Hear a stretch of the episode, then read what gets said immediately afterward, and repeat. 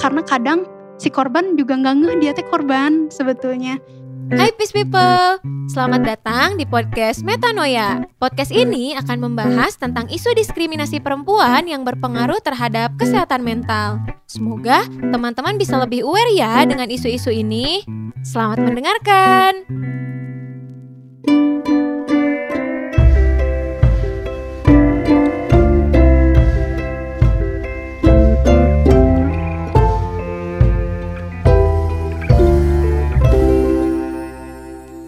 Bismillahirrahmanirrahim.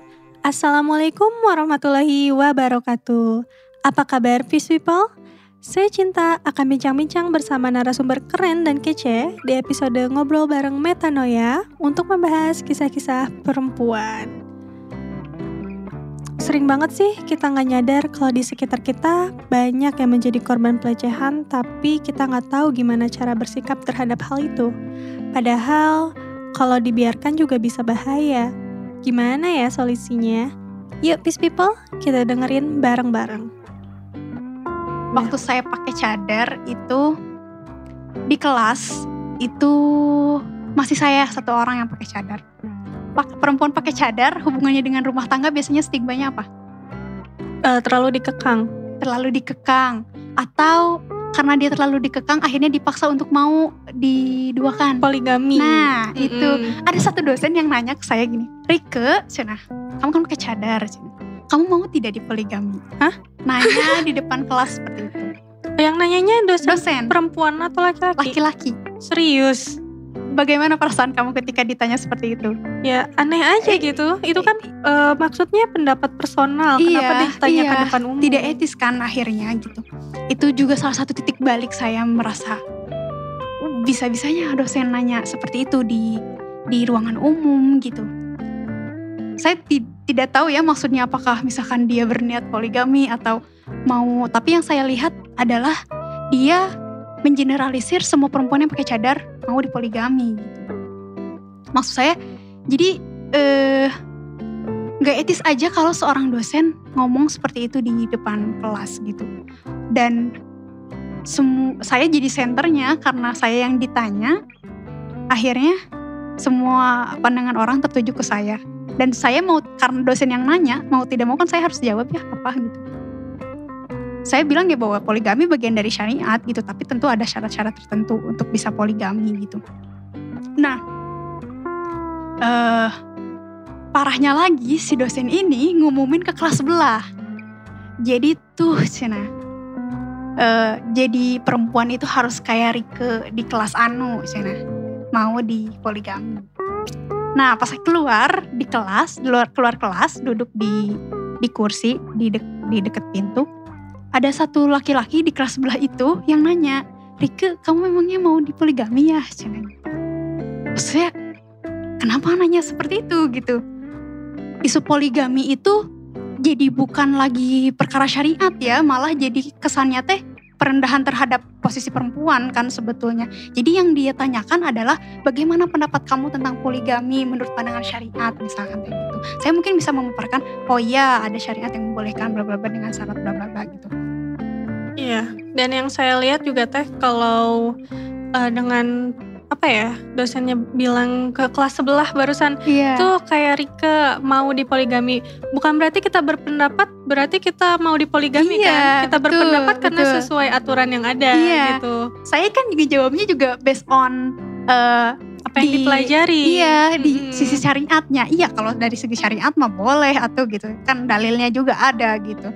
Nah dari dari apa ya macam-macam orang yang melakukan Hmm. hal-hal ter- seperti itu ke teteh, proses teteh untuk menyerna itu semua gimana sih biar kayak ya udahlah aku bakalan maafin mereka, aku ikhlas akan hal-hal yang sudah terjadi gitu. Nah itu dia karena momen itu terjadinya pada waktu saya belum sensitif gender, belum ngerti sebetul- sebetulnya bahwa itu teh itu teh bentuk pelecehan loh Rick gitu, itu teh bentuk perendahan terhadap perempuan. Jadi saya nggak tahu harus gimana karena yang ngomong dosen gitu kan. Terus, nah baru di momen-momen inilah ketika eh satu tahun ini mungkinan mulai mulai belajar soal gender juga kan, mulai ngeh terhadap eh, oh iya ya itu teh itu teh eh, pelecehan gitu, itu teh merendahkan perempuan. Eh, bukan benci ya, cuman mungkin ada ada kekecewaan lah gitu. Kamu, uh, anda dosen dan mengapa harus melakukan itu terhadap mahasiswa Berarti anda, gitu. mencontohkan kan?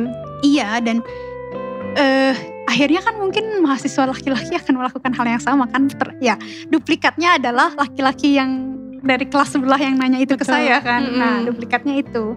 Jadi menurut saya uh, kayak dosen aja bisa melakukan pelecehan ya menurut saya. Ya pada prinsipnya kan bukan bukan tindakannya sih sebetulnya menurut saya gitu.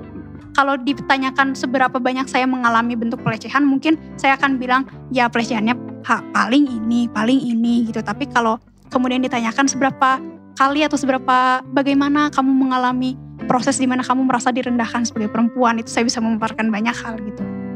Yang kemudian saya ngeh bahwa itu bentuk pelecehan gitu. Jadi ya cukup panjang lah proses untuk akhirnya bisa oh ya itu teh ngeh bentuk pelecehan gitu dan termasuk trauma healing saya adalah dengan saya belajar eh, tentang isu gender dan saya paham akhirnya itu teh salah itu teh benar Tapi pernah nggak waktu Teteh belajar mengenai eh, apa kesetaraan gender ya?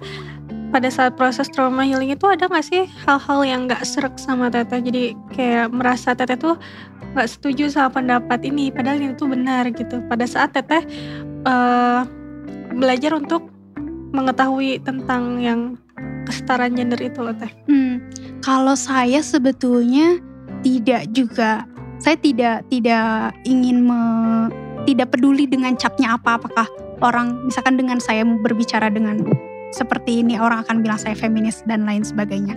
Tapi yang jelas selama perjalanan eh, ini dalam proses trauma healing saya terhadap eh, kejadian-kejadian tadi, terhadap perendahan-perendahan terhadap perempuan tadi, saya lebih fokus ke bagaimana kemudian eh, saya dan juga masyarakat mulai ngeh bahwa mereka sedang mencoba, eh, mereka melakukan perendahan terhadap perempuan atau mereka mengambil hak-hak perempuan gitu. Saya tidak akhirnya fokus saya tidak tidak akhirnya apakah kesetaraan gender itu begini, apakah begini gitu. Jadi fokus saya adalah bagaimana kemudian perempuan mempunyai hak yang sama dengan laki-laki gitu. Apa yang selama ini eh, masyarakat atau lingkungan coba ambil dari perempuan, misalkan hak kemerdekaan dia untuk menentukan pendidikan dan lain sebagainya. Jadi fokus saya sebetulnya di di sana gitu. Masya Allah. Terus teh eh, dari hal-hal yang udah teteh alami kan banyak pahitnya ya selama bercadar. Pada saat itu eh, gimana sih cara teteh cari support system atau ruang aman, ruang nyaman, baik dari keluarga, sahabat atau itu gimana? Support system itu mungkin lebih ke dari proses saya pak memutuskan pakai cadar dengan alasan saya. Kemudian satu tahun kemudian di 2018 saya memutuskan untuk melepas cadar. Itu saya ditemani oleh tem- teman yang juga terbuka. Maksudnya mengerti bahwa setiap orang itu berproses gitu. Eh, dia tahu eh, saya suka kajian dia tahu saya diskusi filsafat saya di sisi lain suka sastra di sisi lain saya suka tasawuf dan lain sebagainya gitu. Jadi eh support system saya untuk untuk keputusan cadar ini sebetulnya ada satu teman saya. Karena kita bergerak di di isu yang sama gitu punya hobi yang sama gitu. Dan jujur kalau sama orang tua justru eh tidak banyak berdiskusi tentang keputusan itu gitu. Keputusan mem- memakai ataupun membuka itu eh, tidak ada dan banyak diskusinya. Justru support sistemnya adalah di teman saya ini yang terbuka yang paham bahwa setiap orang yang berproses gitu berproses untuk dapat eh, apa yang dia pikir benar sekarang gitu lah.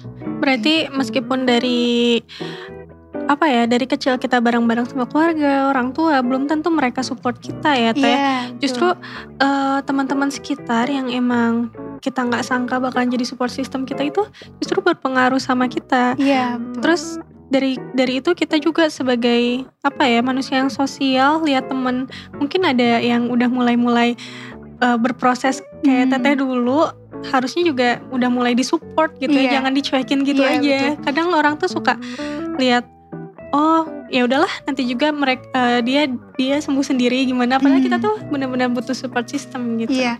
Terus yang menarik adalah karena sebetulnya eh, konstruk sosial yang me- apa memposisikan perempuan ada di kelas kedua itu sebetulnya juga secara sadar tidak sadar sudah di di ini diterapkan di keluarga gitu.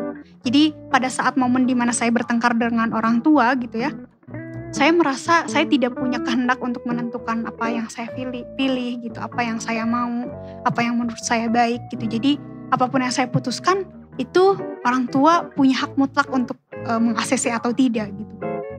Nah, menurut saya itu juga mempengaruhi bagaimana orang tua memiliki persepsi terhadap anak perempuan, terhadap anak laki-laki juga berpengaruh terhadap bagaimana cara mereka mendidik anak uh, perempuan dan anak laki-lakinya. Dan mungkin kalau misalkan akhirnya pertanyaannya, uh, tadi kan saya nanya, kenapa saya sudah pakai cadar, tapi kenapa ya laki-laki masih melihat saya seperti itu? Nah, mungkin salah satu faktor yang menyebabkannya adalah uh, lingkungan yang membentuk laki-laki itu, uh, dia itu ya, laki-laki itu ya seperti itu gitu. Dia melihat bahwa perempuan itu ya objek gitu yang yang yang uh, memancing uh, yang menyebabkan sesuatu iya. dan apa pun pasti tinggal pilih perempuan iya, segala macam gitu. Jadi jadi fitnah gitu, jadi sumber hmm. fitnah.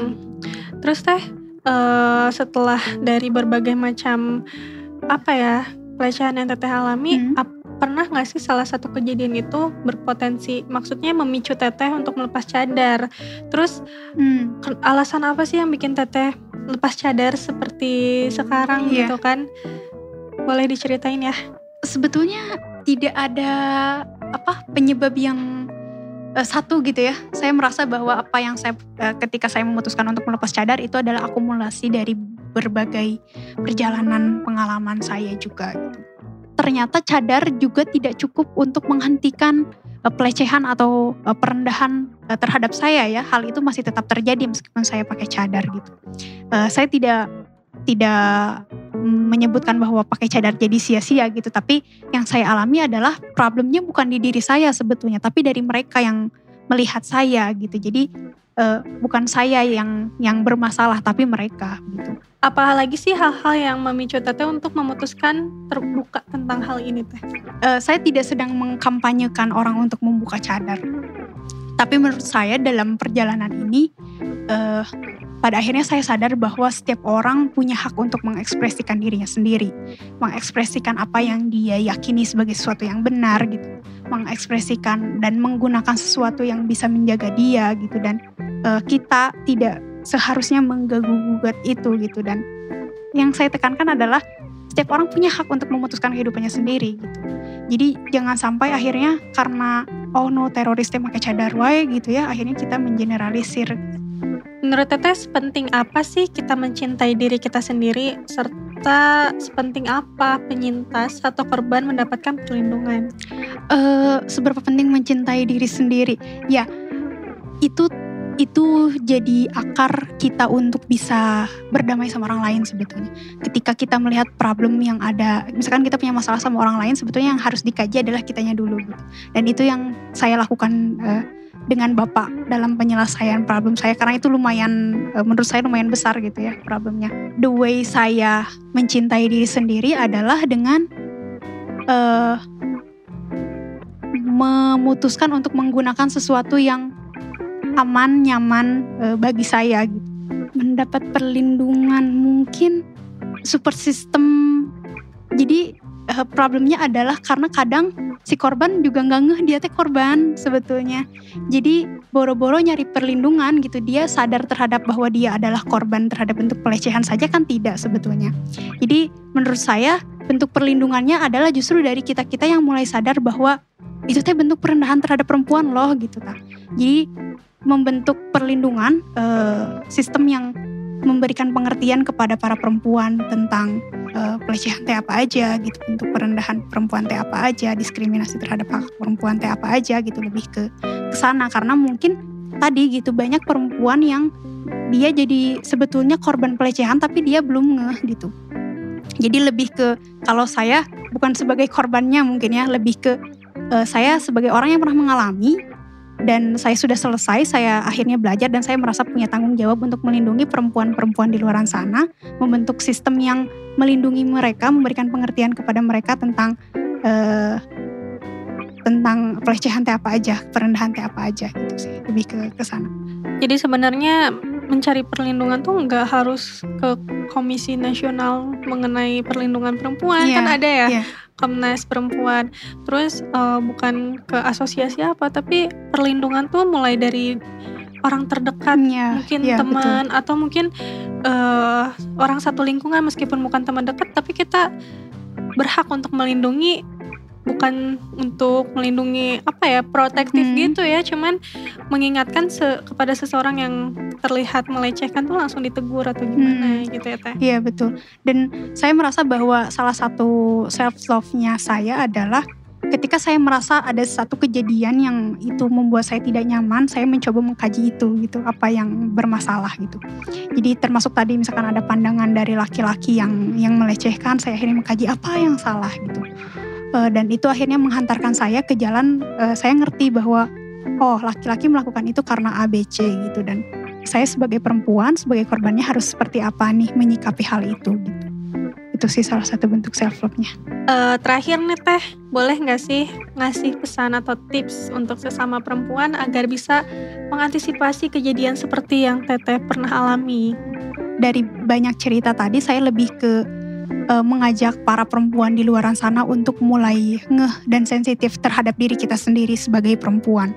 Eh, baik sebagai perempuan yang bercadar atau perempuan yang tidak bercadar, perempuan yang syar'i atau tidak atau bahkan perempuan yang tidak tidak berjilbab sekalipun gitu mulai untuk eh, nanya ke diri sendiri apa yang membuat kamu tidak nyaman eh, terhadap sesuatu gitu ya. Dan itu salah satu bentuk self love tadi gitu.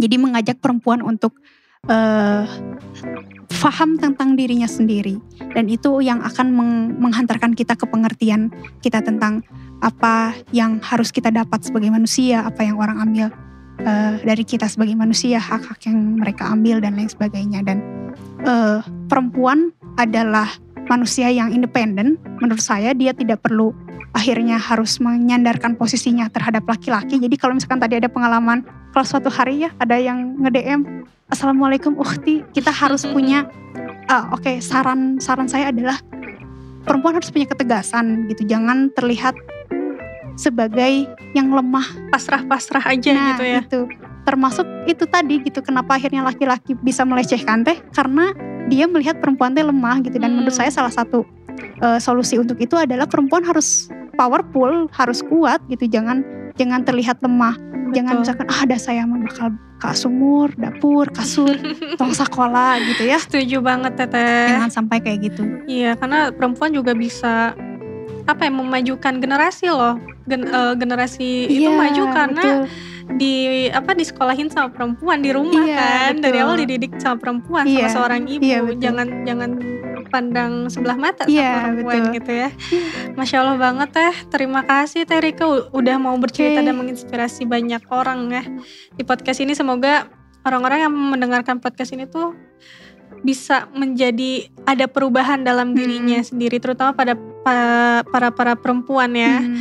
kasus diskriminasi atau pelecehan terhadap perempuan itu memang benar tidak mengenal usia ataupun Hmm. pakaian yang dikenakan. iya betul betul Semoga dengan pengalaman teteh tadi kita bisa mulai aware bahwa perempuan itu bukan manusia kelas 2 yang bisa Iya. dijadikan ob- objek seku- seksual saja. iya betul, Tapi sama-sama makhluk ciptaan Tuhan yang istimewa. oke betul Jazakallah khair. Rika.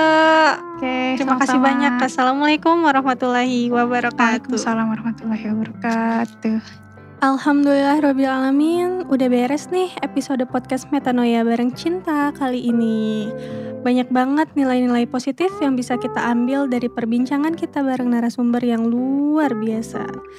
Terima kasih kepada Peace People yang sudah setia mendengarkan podcast Metanoia bareng Cinta.